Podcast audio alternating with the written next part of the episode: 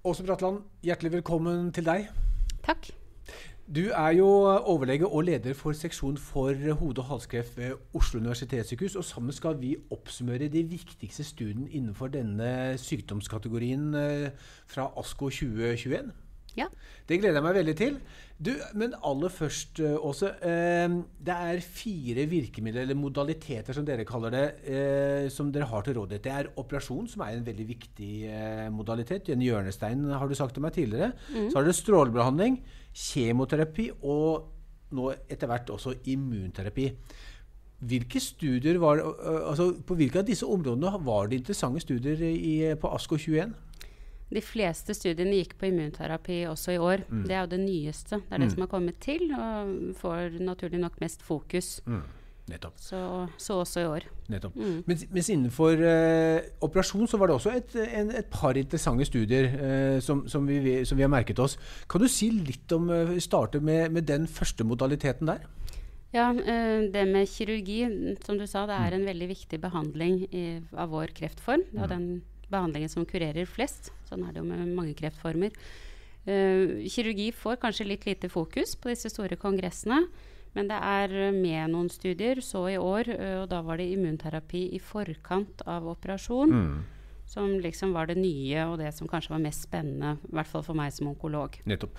Og hva var det denne studien konkluderte med? Det var to studier der de ga eh, immunbehandling i forkant av operasjon. Det var operable svulster, sånn at de lot seg operere. Hensikten var å få mest mulig celledød før man opererte, og på den måten få en bedre overlevelse på sikt. Nettopp. Og de viste jo at de, det, de fikk en viss tumorskrumping. Men de kombinerte også med operasjon, strålebehandling og immunbehandling etterpå. Så hele registeret med andre mm. Ja. Veldig spennende. Spennende og komplekse studier. Veldig kompleks. Eh, Keynote 048 er jo en standardstudie innenfor immunterapi med pembrolizumab. Og, og, og vi, du var jo her i studio for et halvt år tilbake når pembrolizumab ble innført som førstelinjebehandling. Eh, Du nevnte at, eh, at immunterapi var, eh, var Det var mye immunterapi. Hvilke type studier er det du har merket deg da? Nå var det mye på nasofaringskreft. Det er jo en, en liten tumorgruppe innenfor hode- og halskreft. Så det var ikke den mest tradisjonelle, den vi har mest av i Norge. Den var ikke med i år. Eh, nasofaringskreft er nok mer utbredt i Asia spesielt, også i Afrika. Så absolutt en relevant uh, tumorgruppe sånn globalt. Men kanskje ikke så viktig for oss her hjemme. Nettopp.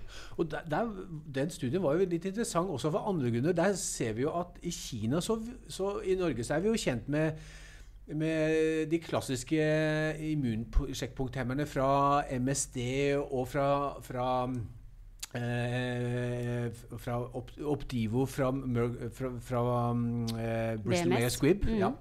Mens, der- i Kina har de andre eh, immunsjekkpunkthemmere. Ja, de hadde to egne anti-PDN-antistoff. Ja. Som var egentlig litt nye for meg, preparatnavnene, så jeg skal ikke prøve meg på å uttale dem. Men det var jo samme prinsippet, og da introduserte de disse her i førstelinjes tilbakefall da av nasofaringskreft, og viste veldig gode resultater. Ikke sant. Så jeg vil jo mm, tro at det påvirker behandling for pasientgruppen. Mm. Igjen for oss i Norge er det kanskje snakk om én til to pasienter dette vil være aktuelt for hvert år. Nettopp. Det var en, en eh, amerikansk professor eh, eh, som vi har bilde av her, eh, Hu Kang fra University of California. Han hadde en ganske interessant eh, presentasjon hvor han summerte opp hvor, hvor, hvordan behandlingsfronten har utviklet seg de siste årene. Skal vi bare se litt på, på det også. Eh, hvis vi ser på dette bildet her først, så, så, så starter han i, i 2011. Og da er det denne trippelbehandlingen Extreme som, som var eh, det beste som dere hadde å tilby. En tøff behandling, en kombinasjonsbehandling eh, med da tradisjonelle cellegifter, platinum og 5FU, som er disse gamle, gode hjørnestenene. Så var det Cetuximab den gangen, som var en målrettet behandling. Nettopp. Eh, ekstremstudien var jo utgående fra Europa, så den kjenner vi jo godt. Og den er jo fortsatt aktuell. Men så har utviklingen tatt oss videre derfra. Mm. Og så kommer i 2016 så kommer jo da immunterapi pe med pembrolizumab, men da først som andrelinje. Ja, eh, da kom egentlig både Nivolumab og Pembrolizumab. Og så var det jo Nivo som først ble godkjent her i Norge, faktisk, i andre linje. Det var i 2017, på slutten av året. Eh, etter Checkmate-dataene som var lagt frem da. Nettopp. Og så kom jo pembrolizumab, som du sa, uh, før jul Nettopp. i 2020. I 2020, ja. ikke sant? Og, og, i USA litt tidligere, som det alltid er. Mm. FDA godkjenner legebildene ofte litt før EMA. Og så har vi Beslutningsforum i Norge som også tar litt tid før det ble innført. Og, men da ser vi at i 2019 eller 2020 her, her, på berget, da, så, så, får dere da førstelinjebehandling med en immunsjekkpunkthemmer. Mm. Kan, kan, du bare si hva det har betydd for eh, behandlingsmulighetene og, og, og, og resultatene i behandlingen? For pasientene så er det jo en mye enklere behandling. Mm. Eh, den er effektiv og har mindre bivirkninger enn kombinasjonskjemoterapi. Eh, sånn praktisk så har det en del å, å, si, og det var jo fint når det sammenfalt med denne pandemien. Mm. For immunbehandlingen kan gis rundt på disse eh, lokalsykehusene, nærmere der pasienten bor. Mm. Mens den tunge kjemoterapien, ekstremregimet, har vært gitt kun på universitetssykehusene. Ja. Så sånn praktisk så var vi for så vidt ganske heldige med den godkjenningen da den kom. Ja, det var ganske optimalt. Ja. For, for, Ekstrim har jo vært i Norge brukt uh, i betydelig grad helt fram til uh, dere fikk mulighet til å bruke immunterapi i førstelinje. Ja, og vi bruker det fortsatt. Ja. Vi bruker det uh, cisplatin og 5FU sammen med pembrolizumab. Mm. Det er faktisk den mest effektive kombinasjonen og den som har vist mest langvarig respons. Så, så, så, langt pasientene er eh, friske nok til å, å kunne behandles med dette, denne litt uh, hissige behandlingen, så er det det beste. Helt riktig. Men mm. det er jo gjerne yngre pasienter i god allmenntilstand med lite annen sykdom Nettopp. som kan tilbys den tøffe behandlingen. Men da er jo tallene gode når det gjelder responser og overlevelser. Ja. Du har jo vært med og, og, ledet også den norske delen av eh, denne Keynote 048-studien. Da var det 20 norske pasienter som var med. Så dere har hatt erfaring med førstelinjebehandling med, med immunterapi ganske lenge? Mm. Den studien begynte i Norge i april i 2015. Mm. Så vi har jo brukt det for så vidt i seks år nå. Mm. Um, og det er en enkel behandling mot mye av det andre vi gir, som du var inne på. Dette er tung kirurgi, det er tøff strålebehandling vi tilbyr. Mm. Den tradisjonelle cellegiftbehandlingen var veldig krevende. Mm. Sånn at immunbehandling har jo blitt mye enklere for oss i klinisk praksis. Ikke sant. Men litt tilbake til, til ASKO21. Der var det jo ikke de store gjennombruddsstudiene. Det var mange små studier, som du sier, med immunterapi. Mm. Eh, skal vi bare se litt på det som eh, Vi skal bare hoppe over den eh, sliden der. Men vi, vi, ser jo at eh, det som, som, denne forskeren snakker om, han, han, viser jo hvordan det har vært en ganske betydelig utvikling fra første- og andrelinjebehandling innenfor dette området. Mm. Og så går han inn og så sier han noe egentlig veldig Han spør hva er en god studie? Hva er en, en, eh, det som man kaller exciting studie, altså med hensyn på resultater? Hvis du vil kommentere litt på det. Han snakker om andrelinje. Der snakker han om uh, denne responsraten. Der sier han det må være 20% eller mer for at den skal være interessant. Og Hva tenker du som, uh, som norsklege på det? Jeg er enig i det. at uh, I andre linje så er jo kravene litt lavere enn i første linje. Mm. Da har vi jo på en måte spilt ut første kort mm. i behandlingen. Uh, og da har vi ikke så strenge krav uh, i andre linje. Så jeg, jeg syns det var veldig morsomt det slidet der. Mm. beskrivende for hvordan vi tenker i klinisk praksis. Mens i førstelinje så er kravene høyere til å få både respons og varighet av responsene. Ja, ikke sant? Mm. Og Hvis vi da går over på førstelinjen, så ser vi at der sier at der må responsraten være 30% eller mer. Ja. For at det skal være relevant og nyttig å ta inn i klinisk bruk. Mm. Kan jeg bare spørre, hvordan, eh, altså eh, Pembrolizumab, eh,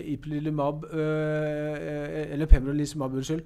Hvordan skårer den på, på andre- og førstelinje på responsrate? Andre linje, som jeg innrømmer, der bruker jo ikke vi pembrolizumab. Nei. Vi bruker nivolumab. Og der er den drøyt 20 ja. i andre linje. Mm. Eh, pembrolizumab både alene og i kombinasjon er godt over 30% i første linje. Mm. Så det passer jo veldig godt med det han viser. Nettopp. Ja. Og denne trippelbehandlingen, hva ligger den da på? Den ligger noe høyere, noe nærmere høyere. 40. Ja. Nå husker jeg ikke eksakte tall. Men Nei. Men her ser vi jo blant noen av disse studiene som, som var viktige på, på ASKO, eh, flere av disse da tilfredsstiller de eh, kravene som denne forskeren legger på både i andre og førstelinje. Mm. Var, var, det noen av disse studiene som du spesielt la merke til? Nei, det var nasofarings. Eh, ja. Den ene studien fikk jo mye oppmerksomhet. En mm. fase 3-studie eh, der de introduserte immunbehandling i førstelinje ved mm. tilbakefall. Mm. Eh, det var mange studier på nasofarings. Det var kanskje det jeg la mest merke til. Mm. Eh, både der de gir litt tøffere behandling for de mest lokalavanserte. Mm. Så legger de til en del adjuvantbehandling etter den første kurativt rettede behandlingen. Mm. De gir mer kjemoterapi også, ser jeg, i Nettopp. Asia. Ja, ikke sant? Eh, Kapasitabin bruker de mye. Det har ikke vi erfaring med i Norge i særlig grad. Mm.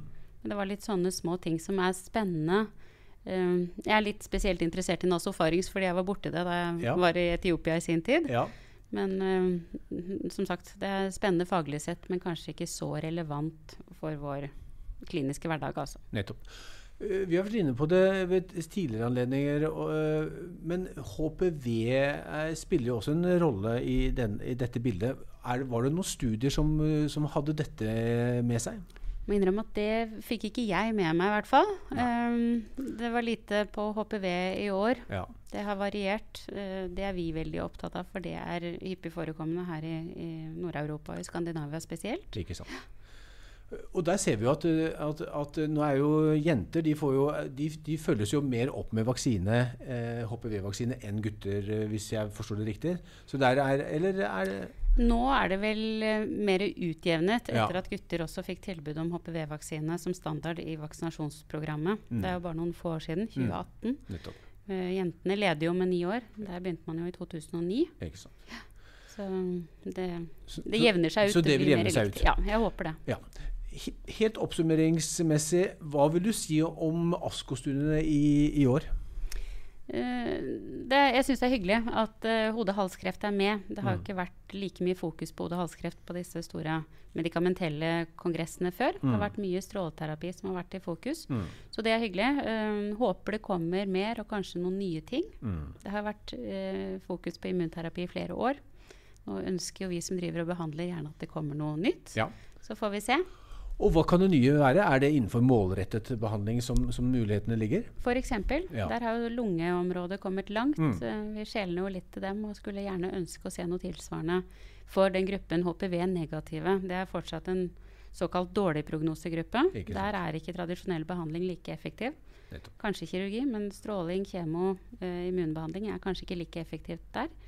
Så der eh, leter vi jo etter de store svarene. Nettopp. Helt på tampen, er det forskning som skjer hos dere som er verdt å, å si noen ord om helt på tampen? Radiumhospitalet har jo veldig fokus på stråleterapi, Mm. så der uh, driver vi mye innen. Både uh, noe som heter dose, dose painting, der vi Mm. skreddersyr dosene. Vi kombinerer stråling og immunterapi, vi også. Der er vi nettopp ferdig med en fase 1-studie, så håper vi å gå videre på det. Så er vi interessert i vaksine, disse Vaxibody-studiene. Ja. Det er relevant også for oss, Ja. så vi håper at det kommer noe der i nærmeste fremtid. Veldig spennende. Eh, det skal vi følge med på. Eh, tusen takk for at du kom, Åse Bratland, og oppsummerte årets ASKO.